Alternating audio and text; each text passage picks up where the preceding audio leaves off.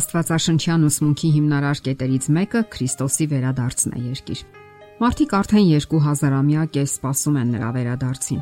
Դա մարդկության երբևէ ունեցած ամենալավագույն երազանքն է, որովհետև նրա վերադարձն է, որ վերջ է դնելու երկրային տարապանքներին ու ցավերին։ Սակայն պակաս կարևոր չէ նաև այն, թե ինչպես եւ երբ կվերադառնա Հիսուսը։ Այս հարցը եւս հուզում է մարդկությանը Երբ Սուրբ Գիրքն ասում է, որ Աստծո որդու գալստյան ժամանակը ոչ ոք չգիտի, ապա միանգամայն հստակ է այն, թե ինչպես կվերադառնա Հիսուսը մեր երկիր։ Շատ մարդիկ այսօր այն կարծիքին են, որ Քրիստոսը վերադառնալու է գաղտնի, որպես թե մի օր մենք արթնանալու ենք եւ նկատելու, որ փրկվածներն արդեն չկան, որ նրանք հանկարծակի եւ մեզանից անտեսանելի երկինք են գնացել։ Բայց արդյոք դա այդպես է։ Արդյոք մեր ճանաչած Աստվածը կարող է այդպես գաղտնի գալ երկիր եւ վերցնելով մեր հարազատներին ու սիրելիներին վերադառնալ երկինք։ Ասենք որ Աստվածաշունչը բոլորովին էլ այդ կերպ չի ներկայացնում Հիսուսի գալուստը։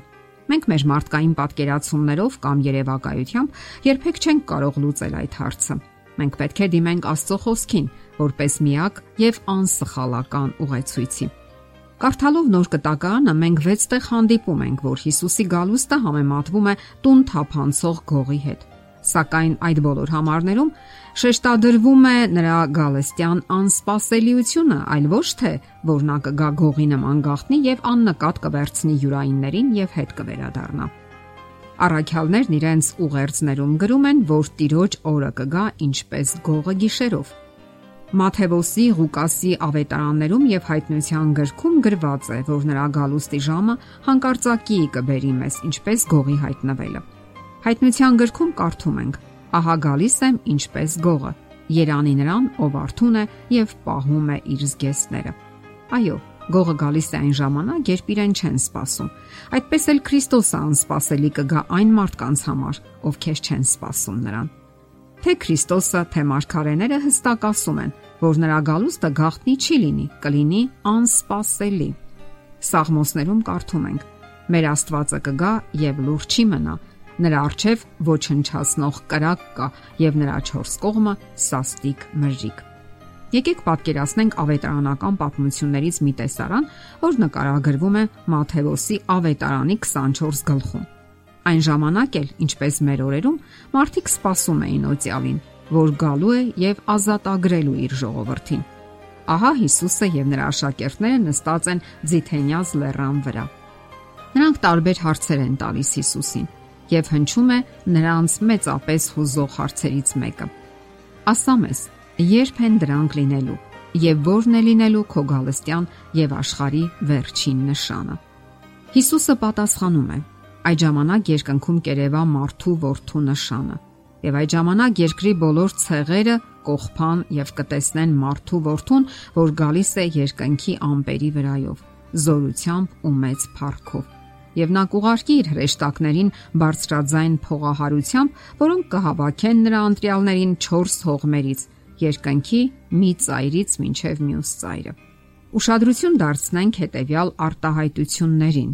բոլորը կտեսնեն բարձրաձայն փողահարությամբ։ Սա հստակ ցույց է տալիս, որ գալուստը կլինի հանկարծակի, սակայն ոչ աննկատ։ Ձիթենյաց լեռան վրա արտասանած Հիսուսի խոսքերը ցույց են տալիս, որ արքաների արքան վերադառնալու է ոչ աննկատ։ Նրան տեսնելու են բոլորը, նաև նրանք, ովքեր խաչեցին նրան։ Եվ այս անգամ նա գալու է որպես հաղթող Դա լինելու է երկրային պատմության ամենահրաշալի օրը։ Այդ հիասքանչ օրն է վերականգնվելու ոտնահարված արդարությունը։ Մեկ ընդմիշտ դադարելու են մարդկային տարապանքներն ու ցավերը եւ երբեք այլևս չեն հոսելու վշտի արցունքները։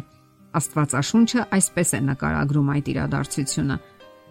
Ահա Տիրոջ խոսքի հիման վրա սա ենք ասում ձեզ, թե մենք ողջերս, որ կմնանք մինչև Տիրոջ գալուստը, ննջեցյալներից առաջ չեն կանցնի, քանի որ Տերն ինքը հրամանի ազդարարմամբ, հրեշտակապետի ձայնով եւ Աստծո փողի հնչմամբ երկնքից վայր կիջնի, եւ Քրիստոսով մեռածները նախ հարություն կառնեն, եւ հետո մենք ողջերս, որ մնացել ենք, նրանց հետ միասին ամպերի մեջ կհապշտակվենք Տիրոջը դիմավորելու, եւ այդպես ամեն ժամ Տիրոջ հետ կլինենք։ Այստեղ տեղին է հիշել, թե ինչպես քրիստոնեության պատմության ողջ ընթացքում քրիստոնյաները հալածվել են ու անարգվել։ Նրանք ենթարկվել են ամենահնարավոր տանջանքների ու մահապատիժների։ Նրանք նահատակվել են հանուն Աստծո եւ արդարության եւ հանուն նրա ճշմարտության։ Այդ դեպքում ինչու պետք է նրանք գիշերով ինչպես գողեր կամ հանցագործներ հանկարծակի հապշտակվեն երկինք։ Արդյոք այս պատմությունը նման չէ Պողոս Արաքյալի պատմությանը, երբ նրան հանիրավի ծեծեցին ու բանտարկեցին, իսկ հետո ցանկանում էին գողունի հանել բանտից, երբ իմացան, որ Հռոմի քաղաքացիություն ունի։